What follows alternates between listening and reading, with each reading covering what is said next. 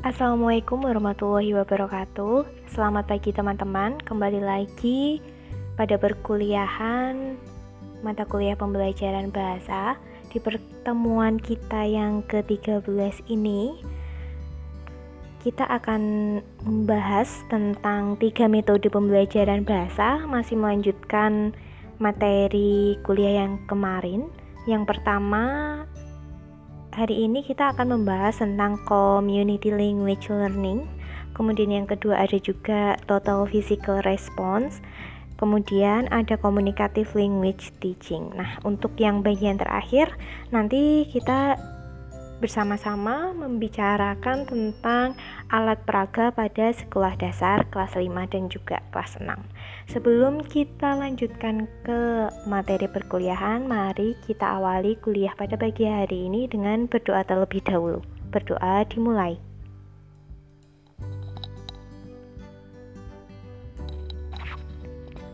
Untuk melanjutkan materi, seperti biasa, saya cantumkan kutipan dari dalam buku novel Bumi Manusia karya Pramudia Anantatur ternyata di dalamnya itu mengutip kutipan bahwa duniaku bukan hanya sekadar jabatan, pangkat gaji dan juga kecurangan, duniaku bumi manusia dengan persoalannya.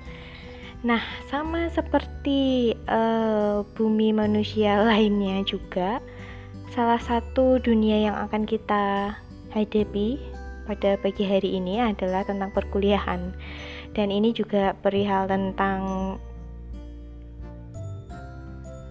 persoalan duniawi yang dihadapi oleh manusia dan semoga teman-teman walaupun tengah menjalani puasa semoga teman-teman tetap semangat karena hari ini saya jadwalkan sebagai pertemuan kita yang terakhir sebelum nanti libur lebaran kemudian kita lanjutkan lagi bulan Juni.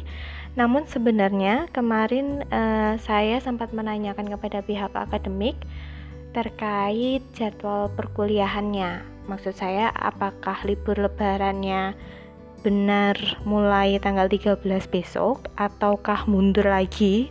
Lalu bagaimana dengan pelaksanaan UASnya nanti benar di pertengahan bulan Juni atau tanggal berapa atau mundur lagi?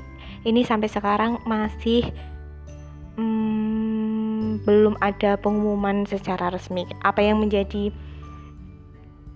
tanggal 13 besok itu masih saya mengacu pada kalender akademik yang lama.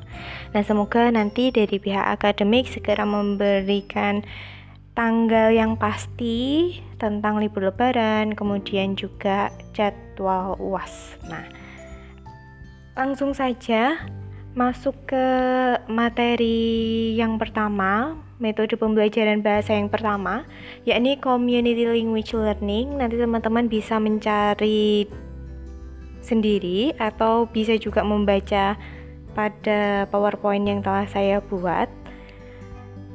Bagi teman-teman kelas 4B yang kemarin juga membahas tentang community language learning, mungkin kita bisa nanti e, berdiskusi bersama apakah apa yang menjadi pembahasan di dalam buku kemarin, bukunya Dian Larson dengan apa yang saya sampaikan ada perbedaan atau mungkin ada kelemahan yang belum saya sampaikan, nanti teman-teman bisa menambahkannya. Yang pertama, uh, Community Language Learning atau biasanya yang disingkat dengan CLL itu merupakan metode pembelajaran yang tumbuh dari suatu ide untuk menerapkan konsep psikoterapi dalam pengajaran bahasa. Hampir mirip seperti di Suggestpedia yang lalu, uh, berangkat dari permasalahan bahwa siswa ketika belajar itu menghadapi mengha menghadapi kesulitan di mana masih uh, maksud saya peserta didik mengalami ketakutan atau tidak percaya diri ketika belajar sesuatu yang baru ternyata community language learning ini juga salah satunya berangkat dari konsep psikoterapi dikembangkan pertama kali oleh Charles uh, Karen pada tahun 1972 dan biasanya community language learning ini disebut juga dengan metode konseling karena dalam aplikasi teori ini menggunakan teknik konseling dalam pengajaran bahasa. dalam metode CLL, siswa dianggap sebagai whole persons, yakni sebagai individu yang utuh. Biasanya, uh, guru itu hanya uh, bukan hanya memperhatikan perasaan dan kepandian siswa, tapi juga berhubungan dengan sesama siswa tapi bagaimana guru juga memperhatikan bagaimana hubungan siswa yang satu dengan siswa yang lain, kemudian hubungan siswa dengan lingkungannya sehingga bisa membentuk motivasi siswa untuk belajar. Nah, menurut Karen, biasanya siswa ini akan merasa tidak nyaman pada siswa pada situasi yang baru, terutama ketika teman-teman menghadapi uh, perkuliahan atau pembelajaran yang tidak yang uh, masih asing, misalnya adalah bahasa asing. Seperti kemarin ketika awal perkuliahan saya masih ingat sekali ketika saya memperkenalkan oh nanti uh, perkuliahan kita akan membahas tentang book review dalam buku berbahasa Inggris, teman-teman pasti merasakan ketidaknyamanan itu dan ketidaknyamanan itu bisa jadi karena situa teman-teman sedang menghadapi situasi baru yang sebelumnya tidak pernah teman-teman alami. Nah, uh, dalam metode CLL ini guru bukan hanya uh, memperhatikan bahwa oh gu, uh, siswanya sudah selesai mengerjakan tugas, siswanya bisa mengikuti pelajaran bukan hanya sekadar seperti itu, tapi guru juga memperhatikan bagaimana perasaan dan juga maksud saya bagaimana hubungan siswa dengan siswa lainnya. Apakah uh, bisa satu sama lain bisa saling bekerja sama dan juga bagaimana kerjasama antar siswa ini mampu membentuk atau mampu uh, saling membantu supaya motivasi belajar pada mata kuliah tersebut bangkit. Nah, ternyata pada metode community language learning ini guru menganggap siswa itu sebagai individu yang utuh di bagian itu.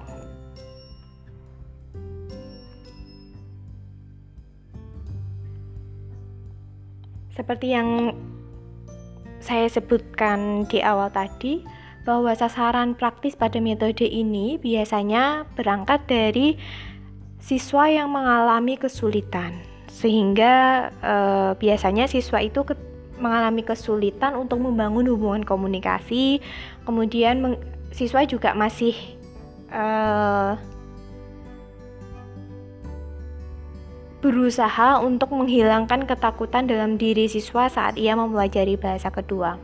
Seperti teman-teman yang uh, ceritakan di bagian awal bagaimana motivasi teman-teman ketika belajar bahasa itu biasanya ada juga beberapa teman-teman yang tidak percaya diri ketika berbicara dalam bahasa asing atau uh, ternyata ketika berbicara dalam bahasa asing itu dialeknya kita masih menonjol seperti itu. Nah, itu juga salah satu ketakutan dan juga uh, hal tersebut wajar ketika kita mempelajari suatu bahasa yang baru dan hal tersebut uh, tentu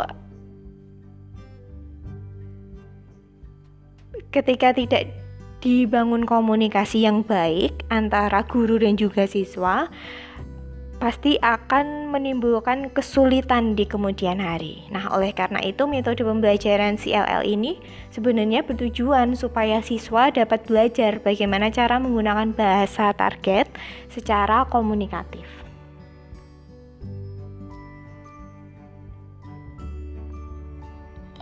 Tentu uh, eh, CLL dibangun supaya siswa dapat menghilangkan kecemasannya dengan konsekuensi bahwa eh, pendekatan yang dilakukan oleh guru biasanya mengarah ke bimbingan konseling daripada pengajaran biasa. Jadi guru di sini bertindak sebagai seorang konselor, yakni sebagai pembimbing yang melatih siswanya. Siswa pun dipandang sebagai klien sehingga hubungan antara guru dan siswa adalah ibarat pembimbing dan juga klien. Melihat pentingnya hubungan yang dibangun antara guru dan siswa, biasanya metode CLL ini bukan pembelajaran yang berasaskan student center atau teacher center, tetapi lebih kepada teacher student center. Dengan kedua duanya menjadi pembuat keputusan di kelas. Ini adalah community language learning. Selanjutnya untuk aktivitasnya kom aktivitas community language learning sebenarnya ada delapan. E, nanti di dalam kegiatan pembelajaran setidaknya ada delapan aspek ini seperti terjemahan, kerja kelompok, kemudian merekam, transkripsi, analisis, refleksi, observasi, kemudian mendengarkan, dan yang terakhir adalah percakapan bebas. Um, kedelapan aktivitas community language learning ini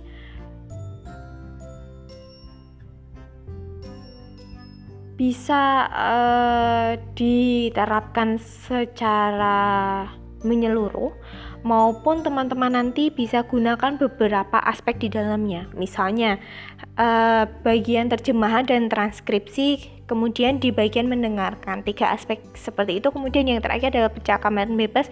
Itu tidak masalah karena kedelapan aspek ini, kedelapan aktivitas ini uh, bersifat bebas, jadi tidak terikat satu sama lain. Langkah-langkah kegiatan pada community language learning nanti teman-teman bisa membaca sendiri. Jadi di sana setidaknya ada 6 hingga 12 siswa, kemudian eh, anak-anak ketika melakukan rekaman di sini masih menggunakan tape, tape recorder, tapi mungkin nanti teman-teman bisa mengembangkan dengan teknologi lainnya lewat HP mungkin, lewat handphone bisa juga. Kemudian yang perlu teman-teman perhatikan adalah langkah-langkahnya. Langkah-langkah kegiatan eh, maksud saya langkah-langkah dari metode ini tadi setidaknya ada delapan aspek tadi. Ada menerjemahkan, kemudian ada kerja kelompok, ada merekam, transkripsi, analisis, kemudian mendengarkan dan yang terakhir adalah percakapan bebas.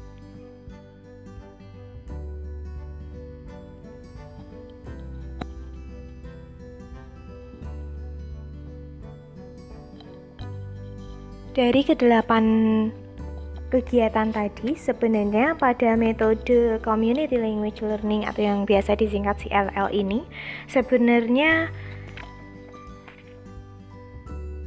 ingin peserta didik itu yang pertama eh, ada lima pengembangan aspek psikologis dari anak yang ingin eh, dikuasai. Maksudnya supaya guru itu juga mengajarkan kepada siswa didiknya melalui metode CLL ini. Yang pertama itu supaya siswa tidak bergantung lagi pada gurunya, ya ini pada embryonic stage. Pada tahap awal biasanya hubungan antara guru dan siswa itu begitu erat tadi seperti uh, teacher center. Nah, pada tahap penguasaan CLL ini guru menyadari nih adanya ketergantungan, sangat ketergantungan yang sangat antara siswa dan juga guru. Kemudian melalui metode CLL ini juga uh, adanya bimbingan di sana sehingga siswa itu bisa mendapatkan self assertion. Jadi siswa ini nanti bukan hanya mendapatkan dukungan moral dari gurunya saja, uh, guru bukan hanya bertindak sebagai konselor, tapi nanti uh, guru juga mampu menciptakan bagaimana teman-teman yang lainnya, siswa yang lainnya ini juga saling mendukung satu sama sama lain sehingga menumbuhkan moral yang baik. Siswa telah memperoleh dukungan moral dari rekannya, rekan sekelasnya untuk bersama-sama memakai bahasa sasaran dan menemukan identitas penutur. Misalnya, uh, yang pertama contohnya di perkuliahan kita awalnya teman-teman masih merasa takut wah nanti saya bisa bisa bisa mengikuti perkuliahan ini atau tidak. Perlahan perlahan guru itu bertindak sebagai self assertion jadi guru memberikan motivasi kemudian saling uh, bertukar pikiran uh, saling berdiskusi kenapa terjadi seperti itu? Nah itu nanti mencipt akan menciptakan lingkungan maksud saya uh, lingkungan akademis yang mendukung moral siswa yang ketakutan tersebut. Jadi bukannya untuk uh, mencari mana siswa yang bisa atau mana siswa yang kurang mam kurang mampu mengikuti materi pembelajaran, tapi siswa diharapkan nanti uh, bisa memperoleh dukungan moral dari kekurangan dirinya dalam memahami materi ini tadi. Jadi ketika eh, teman-teman uh, nanti peserta didiknya sudah memahami uh, kekurangannya, kemudian teman-temannya sal satu sama lain saling memberikan dukungan mau tidak mau e, nanti siswa akan mulai mengurangi penggunaan bahasa ibunya bird stage Selanjutnya adalah masuk ke tahap reversal stage, di mana hubungan siswa dengan gurunya telah mencapai taraf saling percaya. Karena saling percaya ini tadi, eh, pada akhirnya siswa ini akan percaya diri ketika mengucapkan bahasa asing, bahasa Inggris seperti itu. Sehingga muncullah independent stage di sana. Jadi teman-teman nanti uh, Sasaran akhir dari metode community language learning ini adalah siswa mampu menguasai materi pembelajaran independent stage.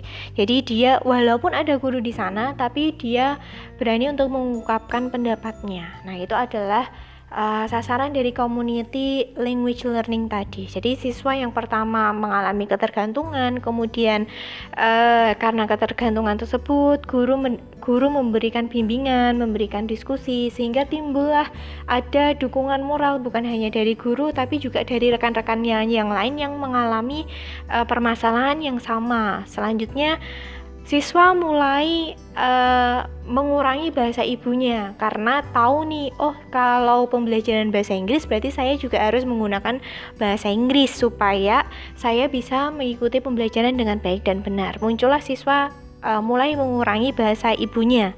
Selanjutnya, hubungan siswa dengan gurunya ini akan mulai saling percaya karena tadi siswa mulai mendapatkan dukungan moral dari gurunya, mau tidak mau siswa juga akan mulai mendapatkan kepercayaan di sana. Nah, selanjutnya ketika apabila guru dan juga siswa sudah saling percaya, maka siswa akan e, biasanya independent stage akan berbicara lebih leluasa lagi ketika menggunakan bahasa Inggris atau bahasa asing misalnya. Nah, itu adalah eh, tahapan-tahapan e, penguasaan dari metode community language learning. Selanjutnya sama seperti metode lainnya, setiap metode pembelajaran pada bahasa biasanya mempunyai kelemahan dan juga kelebihan. Pada metode ini biasanya kelebihannya itu tentu saja kerjasama yang terjalin antara siswa dengan siswa eh, dan juga kerjasama antara siswa dan juga guru dalam belajar bahasa target ini sangat tinggi. Selanjutnya Metode ini juga mampu meningkatkan kepercayaan diri siswa dalam mempelajari bahasa target. Selanjutnya, karena tadi eh, penguasaan terakhir atau sasaran akhir dari metode ini adalah supaya siswanya mampu menguasai secara bebas. Maksudnya siswa mampu menguasai bahasa asing secara bebas sehingga eh, siswa dapat dalam pembelajaran CLL ini akan merasakan bebas berekspresi apa yang ingin mereka katakan dalam bahasa asli ke bahasa target. Selain ada kelemahan tentu ada, eh, selain ada kelebihan menurut saya tentu ada kelemahannya. Kelemahannya ini adalah kesuksesan metode ini bergantung pada keahlian guru dalam menerjemahkan. Selanjutnya, proses merekam dapat menimbulkan berbagai kesulitan pada siswa yang tidak lazim dengan rekaman. Yang pertama adalah kesuksesan metode ini tergantung keahlian konselor dalam menerjemahkan. Bisa dibayangkan berarti uh, walaupun memang meningkatkan kerjasama tadi di awal adalah antara siswa, namun ternyata uh, metode ini masih bergantung pada guru yang bertindak sebagai penerjemah di awal pada prosedur metode penelitian ini. Nah, itu juga apabila gurunya tidak menguasai dalam menerjemahkan e, frasa atau kalimat yang dimaksud oleh peserta didik itu juga nanti akan berpengaruh pada tahap selanjutnya. Nah, e, pada pemahaman siswa juga. Ada juga siswa, belum tentu juga siswa ini sudah terbiasa dengan proses rekaman yang sedemikian rupa ada juga yang kemarin ketika teman-teman uh, tugasnya adalah membuat video tentang presentasi kemarin pada akhirnya teman-teman tidak mengumpulkan videonya tapi mengumpulkan hanya audionya saja seperti itu. Itu juga salah satunya karena teman-teman tidak terbiasa dengan tindak rekaman seperti itu. Bisa juga teman-teman merasa tidak percaya diri di depan kamera gitu. Katanya uh, mukanya tidak terlalu kamera face tapi harus dibuat video sedemikian rupa yang menunjukkan wajah. Nah, mungkin itu ada uh, akhirnya berbagai kesulitan, hambatan dan juga tantangan yang dihadapi siswa karena ketidakbiasaan dalam menggunakan metode ini. Selanjutnya adalah uh, metode pembelajaran bahasa atau total physical response. Nah, total physical total physical response ini adalah metode yang dikembangkan oleh Dr. James Aiser, seorang profesor psikolog dari San jo Saint Joe State University. Metode ini menjadi populer pada tahun 1970 dan menarik perhatian dari beberapa guru tetapi belum mendapatkan dukungan umum dari pendidik utama. Nah, biasanya metode pembelajaran ini disusun pada koordinasi perintah, ucapan, dan gerak dan berusaha untuk mengajarkan bahasa melalui aktivitas fisik motor motorik maksud saya. Jadi nanti teman-teman uh, ada tiga kata kunci yakni ada perintah ada ucapan dan juga gerak. Nah ini yang berkaitan dengan metode total physical response tadi. Kalau yang di awal uh, hampir mirip seperti community yang awal tadi ada community language learning. Kalau yang total physical response ini sasarannya adalah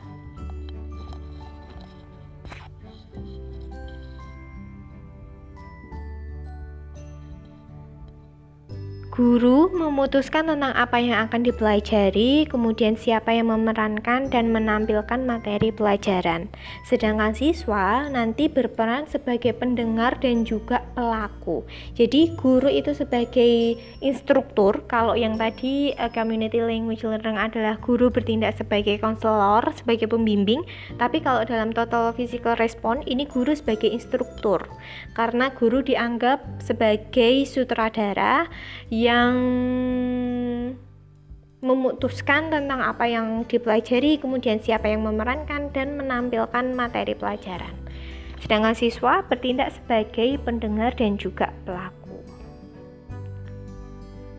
Biasanya nanti bentuk kegiatannya itu adalah siswa mendengarkan dengan penuh perhatian dan merespon secara fisik pada perintah yang diberikan guru baik secara individu maupun kelompok. Biasanya nanti untuk aktivitasnya ini biasanya yang pertama seperti tadi ada tiga kata kunci yakni ada perintah, speech, dan juga action. Yang pertama adalah perintah, imperative drill. Merupakan aktivitas utama yang dilakukan guru di dalam kelas dari metode total physical response. Latihan berguna untuk memperoleh gerakan fisik dan juga aktivitas dari siswa. Contohnya ya dalam buku Dian Larson dulu yang sempat disampaikan oleh Edi dan juga Oki adalah misalnya sit down. Sit down itu seperti apa? Kemudian run itu seperti apa, kemudian catch. Nah, uh, itu adalah bentuk perintah stand up. Kemudian ada beberapa kata-kata perintah yang uh, bisa digunakan guru sebagai instruktur, kemudian siswa memperagakannya sebagai pelaku.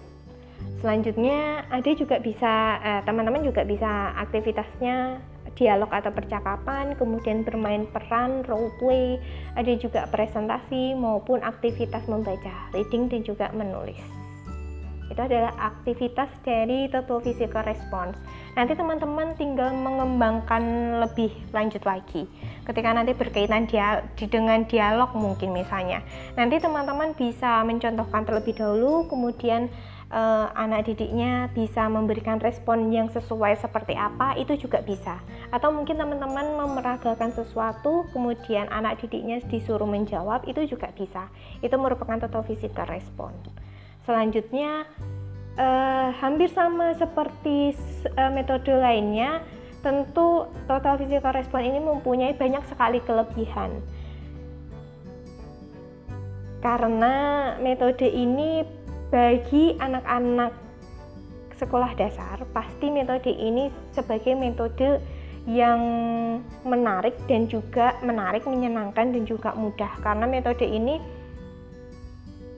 tidak perlu memerlukan banyak persiapan pada pihak guru juga.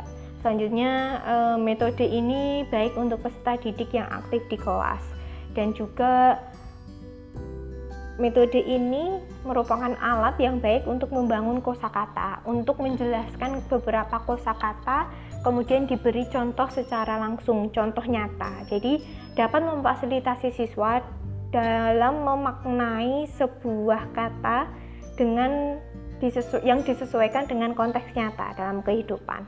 Selanjutnya, efeknya adalah metode ini tentu akan mudah diingat.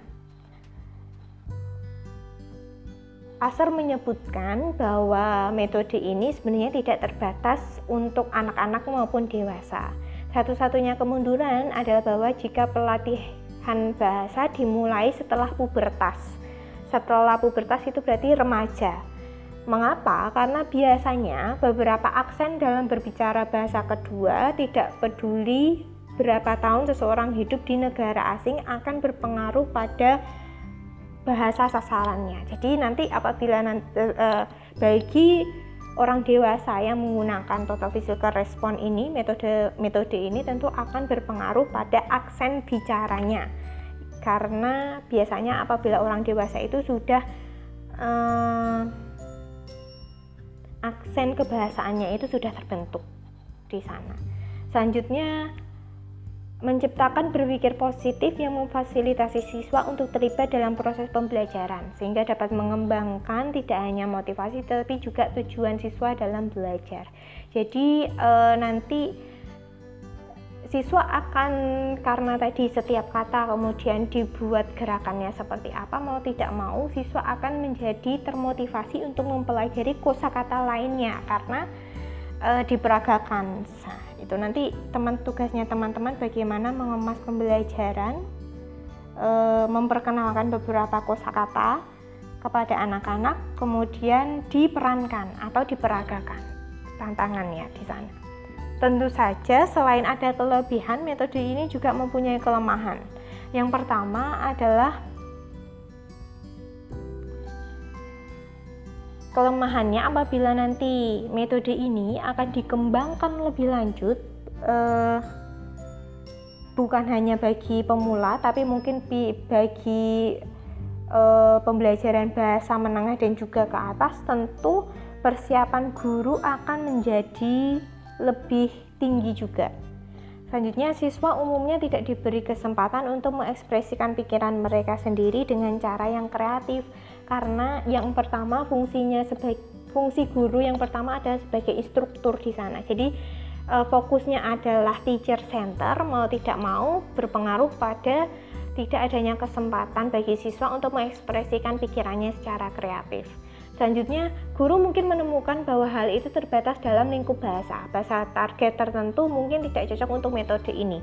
Saya sebutkan salah satunya adalah bahasa Jawa memang tidak cocok pada hmm, metode ini karena untuk beberapa bahasa Jawa kalau dalam bahasa Inggris bahasa Indonesia masih ada beberapa kosakata kosakata ketika itu tadi berkaitan dengan perintah maka ada beberapa kosakata perintah yang dapat diperagakan namun di dalam bahasa Jawa itu kita hmm, terbatas dalam pengguna dalam kosakata kosakata perintah di sana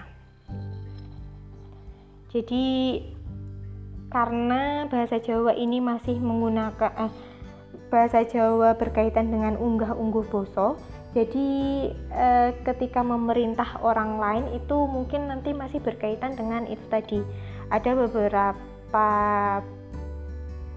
bahasa yang menganggap memerintah orang lain itu adalah hal yang tidak sopan. Nah, itu juga nanti ternyata tercermin pada jumlah kosakata perintah yang ada di dalamnya itu akan sedikit. Nah, dari sini juga muncul maka e, beberapa bahasa itu tidak semuanya cocok dengan metode ini. Hanya beberapa bahasa saja yang cocok dengan metode ini. Contohnya adalah bahasa Inggris. Karena bahasa Inggris banyak sekali kosakata ada beberapa kosakata perintah e, sehingga itu yang perlu dikenalkan oleh anak-anak. Tapi untuk beberapa bahasa yang tidak yang masih minim kosakata kosakata perintahnya itu mungkin nanti menjadi kelemahannya dari metode ini.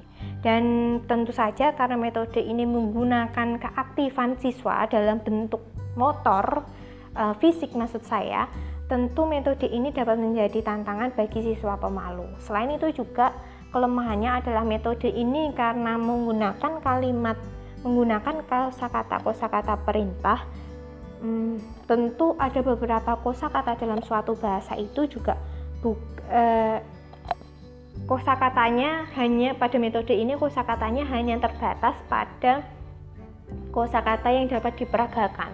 Namun bagi beberapa kosakata yang tidak bisa diperagakan itu nanti akan seperti apa? Contohnya seperti ada kata-kata sifat eh, baik hati, bijaksana. Nah, itu ada beberapa kosakata-kosakata yang tidak bisa diperagakan secara bukan um, siswa itu bukan hanya maksud saya siswa akan kesulitan dan juga terbatas pemahamannya ketika diperagakan secara fisik saja. Mungkin ada beberapa kosakata dalam suatu bahasa itu yang perlu dijelaskan um, penjelasannya terlebih dahulu.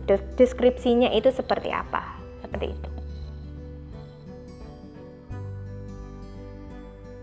Selanjutnya adalah metode yang terakhir, communicative language teaching.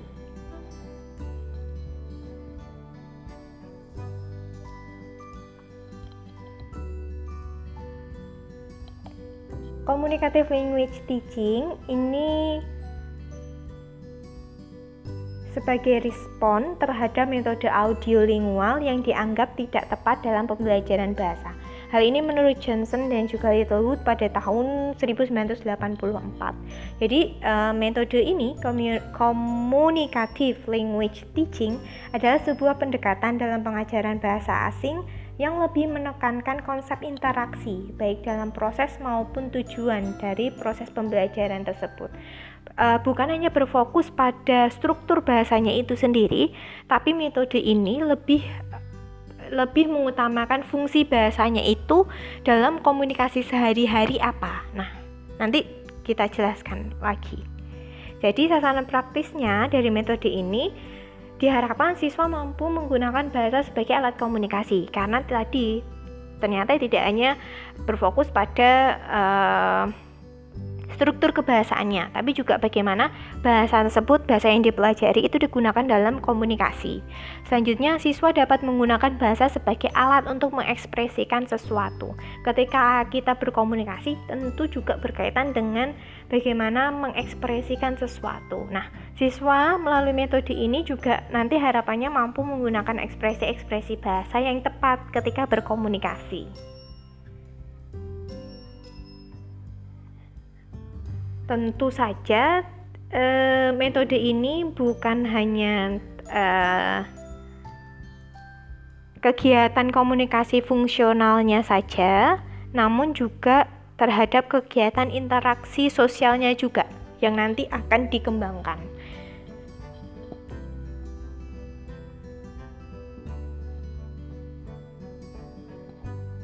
Kegiatan komunikasi fungsional yang ingin dikembangkan contohnya seperti cara mengekspresikan pendapat, kemudian cara menyampaikan kritik dan juga saran, cara menanyakan waktu, cara meminta dan memberi memberikan arah. Nah, hal tersebut juga sebenarnya sedini mungkin perlu dikenalkan kepada siswa juga. Bagaimana cara mengekspresikan pendapat yang baik dan benar di depan teman-teman. Bagaimana cara mengekspresikan pendapat di depan guru supaya tidak uh, secara sopan. Kemudian bagaimana cara menyampaikan kritik dan juga saran. Bagaimana cara menanyakan waktu. Hal tersebut perlu dikenalkan secara sedini mungkin kepada anak-anak supaya nanti akan berpengaruh terhadap kegiatan interaksi sosialnya seperti apa. Apabila nanti mungkin ada beberapa hal yang tidak dikenalkan hmm, secara dini oleh siswa, oleh peserta didik, maka nanti akan berpengaruh terhadap kegiatan interaksi sosialnya anak. Mungkin anak akan kesulitan ketika dewasa nanti akan mengekspresikan pendapat di depan guru tuh yang seperti apa sih sebenarnya cara menyampaikan kritik yang supaya tidak menyakitkan hati itu seperti apa sih sebenarnya nah itu nanti juga hmm, berpengaruh terhadap interaksi sosialnya di sana. Jadi ternyata bahasa bukan hanya berbicara tentang struktur bahasanya saja, tapi metode ini lebih uh, mengembangkan lagi bagaimana bahasa tersebut digunakan untuk interaksi sosial, fungsi kebahasaannya. Metode ini mempunyai kelebihan. Yang pertama adalah metode ini merupakan pendekatan holistik. Jadi pendekatan ini tidak hanya fokus pada silabus struktural tradisional, struktur kebahasaannya, tetapi juga mempertimbangkan dimensi komunikatif bahasa. Kemudian metode ini juga menyajikan motivasi kepada siswa di dalam kelas. Jadi bagaimana kita bisa menggunakan bahasa yang baik dan benar ketika di dalam kelas maupun di luar kelas. Memberikan contoh-contoh beberapa oh semisal kita uh, diskusi kepada teman itu baiknya kita menggunakan bahasa yang seperti ini. Kemudian ketika kita berbicara kepada guru kita menggunakan bahasa yang seperti ini. Itu ada beberapa juga uh, penyajian motivasi yang disisipkan ketika pembelajaran. Selanjutnya metode ini juga mm, menekankan pada kepentingan dan juga kebutuhan para peserta didik. Di dalam uh, komunikasi yang semakin maju ini nanti CLT dapat memainkan peran penting sebagai pendidik. Jadi supaya memang walaupun eh, anak-anak sekarang dengan majunya teknologi mereka bisa mempelajari struktur bahasa mana saja lewat uh, aplikasi, namun fungsinya guru di sini adalah mem memberi pengetahuan atau dasar-dasar bagaimana menjalin komunikasi dan juga membangun komunikasi bagaimana struktur kebahasaan tersebut yang dipelajari itu difungsikan ketika berkomunikasi di dunia luar. Kelemahannya, metode ini sulit diterapkan di dalam kelas yang sangat ramai guru harus menjadi orang yang memiliki pengetahuan yang sangat luas dalam bahasa asing dan juga bahasa ibu. Karena itu tadi guru eh, saya guru bukan hanya mengetahui bagaimana menguat bagaimana budaya dari bahasa sasaran dari bahasa Inggris maksud saya bahasa asing tapi juga guru e, menguasai bagaimana adat kebiasaan dari bahasa ibu yang dimiliki bahasa Indonesia misalnya. Nah, itu nanti e, supaya siswa sis, supaya peserta didik itu juga diajarkan bagaimana penggunaan bahasanya dalam komunikasi sehari-hari. Penggunaan bahan ajar yang tidak memadai dan sesuai dapat merusak proses pembelajaran pengetahuan teoretis guru harus sangat baik dalam hal praktek komunikasi bahasa misalnya. Kemampuan pemantauan guru juga harus sangat baik karena e, pemantauan guru ini bukan hanya sekadar secara struktural tapi bagaimana anak-anak juga apakah sikap kebahasaannya sudah sesuai seperti itu. Misalnya berbicara dengan guru menggunakan kata aku, harusnya saya seperti itu. Nah, itu juga sebenarnya berawal dari kebiasaan-kebiasaan itu tadi. Padahal gurunya sudah mengajarkan mengajarkan ketika menggunakan ketika berbicara dengan guru maka harusnya menggunakan kata saya tapi kenapa kata aku masih muncul di sana mungkin ada beberapa faktornya yang perlu uh, dipantau terus oleh gurunya pengajaran tentang aspek struktural bahasa grammar sangat sulit dipraktekkan dalam metode ini karena metode ini fokus pada uh, fungsinya fungsi penggunaan bahasa itu tadi pendekatan ini hanya berfokus pada kelancaran tapi tidak pada ketepatan uh, ketepatan yang dimaksud ini adalah berkaitan dengan grammarnya, grammar atau struktur bahasa itu tadi. Peserta didik yang lemah dan tidak bisa menggunakan bahasa target akan terus melakukan kesalahan dan akhirnya menyerah. Jadi, hmm, pendekatan ini sangat tepat untuk kelas menengah dan juga uh, lanjut, intermediate and advanced, tapi bukan untuk pemula karena e, biasanya kalau sudah masuk ke fungsi bahasa nanti sudah masuk ke kalimat-kalimat kemudian masuk ke wacana-wacana seperti itu. Nah jadi bagi teman-teman e, yang pemula pasti akan mengalami kesulitan di sana dan akhirnya mereka akan melakukan banyak kesalahan dan menyerah ketika menggunakan metode ini. Itu tadi adalah tiga metode yang kita pelajari pada pagi hari ini. Yang pertama adalah community language learning. Kemudian ada total physical response. Dan yang terakhir adalah communicative language teaching. Nah jadi ketiga metode ini sebenarnya metode yang dikembangkan dari beberapa metode kemarin sebenarnya. Pengembangan-pengembangan metode. Dan ini nanti beberapa metode yang saya sampaikan ini sebenarnya di dalam pembelajaran bahasa di Indonesia terutama itu juga akan banyak sekali banyak sekali pengembangannya terutama total physical response itu di Indonesia. E, banyak juga yang dikembangkan bukan hanya dalam bahasa Inggris saja tapi bisa muncul dalam e, penggunaan bahasa Jepang di sana. Kemudian uh, biasanya total physical response ini juga apabila teman-teman mencarinya di jurnal biasanya metode ini yang paling banyak dijadikan praktek penelitian biasanya nah itu nanti mulai dari TK, taman kanak-kanak, kemudian sampai ke SD maupun SMP biasanya mereka ada yang menggunakan metode ini sebagai bahan penelitiannya. Eh, siapa tahu nanti ke depan juga teman-teman ketika mempe, ketika mengajarkan bahasa kepada anak didiknya nanti teman-teman bisa mengembangkan metode ini metode dari banyak metode ini teman-teman bisa kembangkan sendiri bagaimana uh, yang cocok dengan peserta karakter dari peserta didik Selanjutnya adalah pengembangan alat peraga pembelajaran bahasa. Jadi untuk pengembangan alat peraga pembelajaran bahasa pada hari ini yakni uh,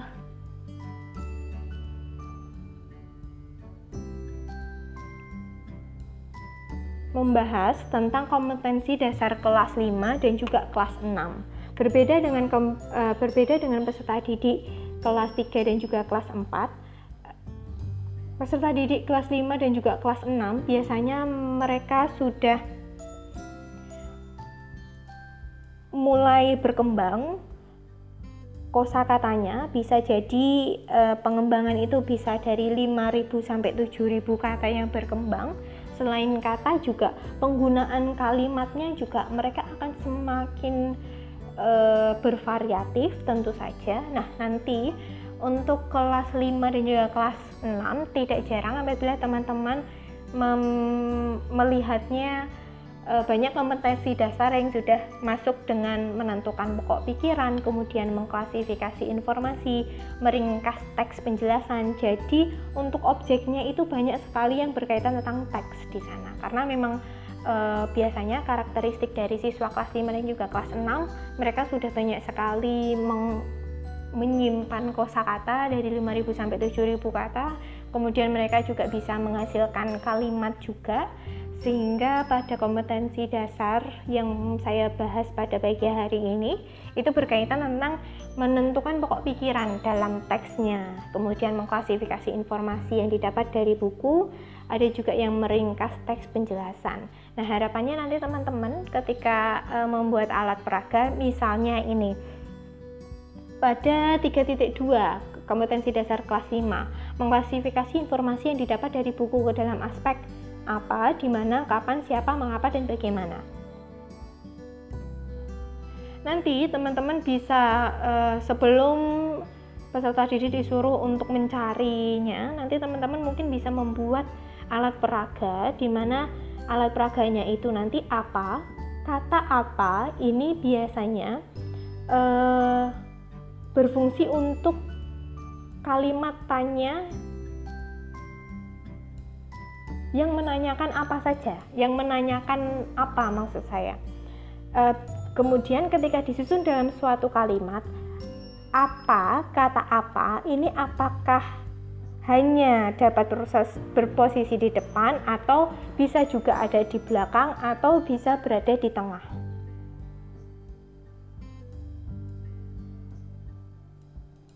Kemudian kata apa ini nanti apakah bisa ditambahi partikel seperti kah, kemudian pun, apakah itu nanti juga bisa menjadi sebuah kalimat? Nah, itu nanti eh, teman-teman uh, bisa kembangkan banyak hal dari kata apa, di mana, kapan, siapa. Oh, mungkin di mana itu menanyakan sebuah tempat, kemudian kapan itu menanyakan sebuah waktu, siapa itu menanyakan tentang orang. Lalu ketika disusun dalam suatu kalimat, apakah uh, kapan, siapa, mengapa ini dapat posisinya berada di depan kalimat atau dapat di tengah kalimat atau di akhir kalimat. Nah, itu teman-teman yang perlu dijelaskan juga.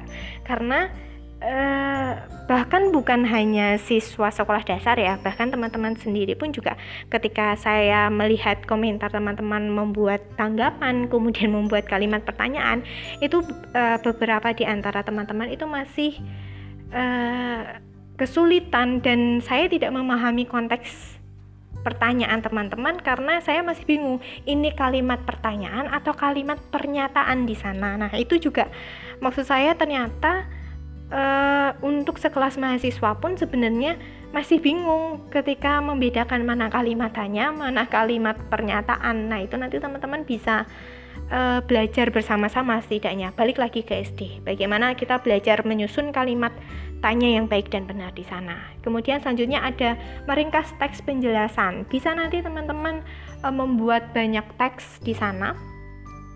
Ada beberapa teks uh, eksplanasi di sana dari salah satu media cetak misalnya. Dan nanti setiap paragraf setiap paragraf nanti teman-teman disuruh mencari isinya apa, ide pokoknya apa, ringkasannya apa, nanti teman-teman bisa membuat uh, kolom tersendiri untuk meringkasnya. Nah, itu nanti bisa dibuat alat peraganya se menarik mungkin supaya peserta didik juga paham. Oh, uh, supaya menarik peserta didik. Oh, ketika uh, paragrafnya seperti ini berarti nanti saya dapat meringkasnya itu di kalimat pertama mungkin dari suatu paragraf tersebut. Oh, mungkin di kalimat yang paling akhir dari paragraf tersebut. Ciri-cirinya kayak gimana sih? Nah, itu nanti teman-teman bisa menjelaskan lebih lanjut atau mau dibuatkan penjelasannya melalui alat peraga juga boleh. Lanjut ke kompetensi dasar kelas 6. Nah, sama tadi seperti kelas 5 juga berkaitan dengan beberapa teks. Ternyata untuk kelas 6 ini nanti eh, yang dikembangkan adalah teks fiksinya. Jadi seperti teks fiksi menelusuri tuturan dan juga tindakan tokoh serta penceritaan penulis dalam teks fiksi. Kemudian yang menjadi menarik lagi juga mengaitkan peristiwa yang dialami tokoh dalam cerita fiksi dengan pengalaman pribadi. Nah, ini nanti teman-teman bisa mencari banyak cerita fiksi kemudian bagaimana teman-teman mengemasnya e, menggunakan alat peraga dan di mana alat peraganya ini nanti supaya bisa teman-teman bisa peserta didik pahami sebagai pengalaman pribadi. Nah, nanti teman-teman bisa kembangkan banyak hal melalui alat peraga dalam menjelaskan teks fiksi ini nanti. Boleh ada yang kemarin menanyakan, e, Bu, kalau semisal membuat buku pop-up seperti apa? Boleh, nggak apa-apa. Atau mau membuat flowchart cerita seperti itu, diagram seperti itu, e, mau membuat komik misalnya boleh tidak apa-apa itu merupakan salah satu contoh alat peraga dari teks fiksi nah nanti teman-teman bisa kembangkan sedemikian rupa apabila nanti uh, kesulitan bisa kita diskusikan bersama silahkan mulai dari sekarang teman-teman uh, mengerjakan tugas uasnya jangan menggunakan sistem kebut semalam karena itu nanti akan menyusahkan teman-teman. Mungkin mulai dari sekarang setidaknya teman-teman sudah punya gambaran nanti saya mau membuat apa contohnya apa. Bisa teman-teman cari di Google atau cari di YouTube yang penting nanti di bagian akhir dalam uh, slide PPT-nya dicantumkan daftar pustaka di sana. Mungkin ada beberapa alat peraga yang dibuat itu hampir mirip sesuai yang ad, seperti yang ada di buku pegangan guru misalnya. Nggak apa-apa. Nanti teman-teman cantumkan daftar pustakanya. Mungkin nanti yang beda ada di bagian alat dan juga bahan. Kemudian cara menggunakannya mungkin nanti yang berbeda. Nggak apa-apa nanti silahkan uh, teman-teman cantumkan di bagian daftar pustaka slide bagian akhir. Nah ingat juga tolong ingat-ingat juga untuk uh, penilaiannya dari UAS itu kriteria penilaian AD3 yang pertama adalah tentu saja hasil PowerPoint yang teman-teman kirimkan ke saya. Apakah PowerPointnya ini sudah sesuai sudah memenuhi poin dari A sampai I. Kemudian yang kedua adalah apakah alat peraganya ini sesuai dengan kompetensi dasar yang sudah saya bagikan? Boleh dari salah satu salah satu KD maupun mengkolaborasikan dua KD tersebut boleh tidak apa boleh saya izinkan. Nah nanti yang ketiga adalah tentu saja kedisiplinan. Ini nanti akan menjadi poin juga untuk UAS nanti. Diingat-ingat lagi UASnya mempunyai porsi 60% dalam penilaian. Jadi teman-teman silahkan berjuang. Beberapa teman kemarin uh, sudah ada beberapa yang mendapatkan peringatan dari saya. Semoga peringatan tersebut tidak diulangi lagi saat pengerjaan UAS. Dan apabila nanti peringatan dari saya tidak diindahkan, maka saya mohon izin untuk memberikan nilai 0 pada UAS jenengan. Cukup sekian dari saya. Terima kasih. Wassalamualaikum warahmatullahi wabarakatuh.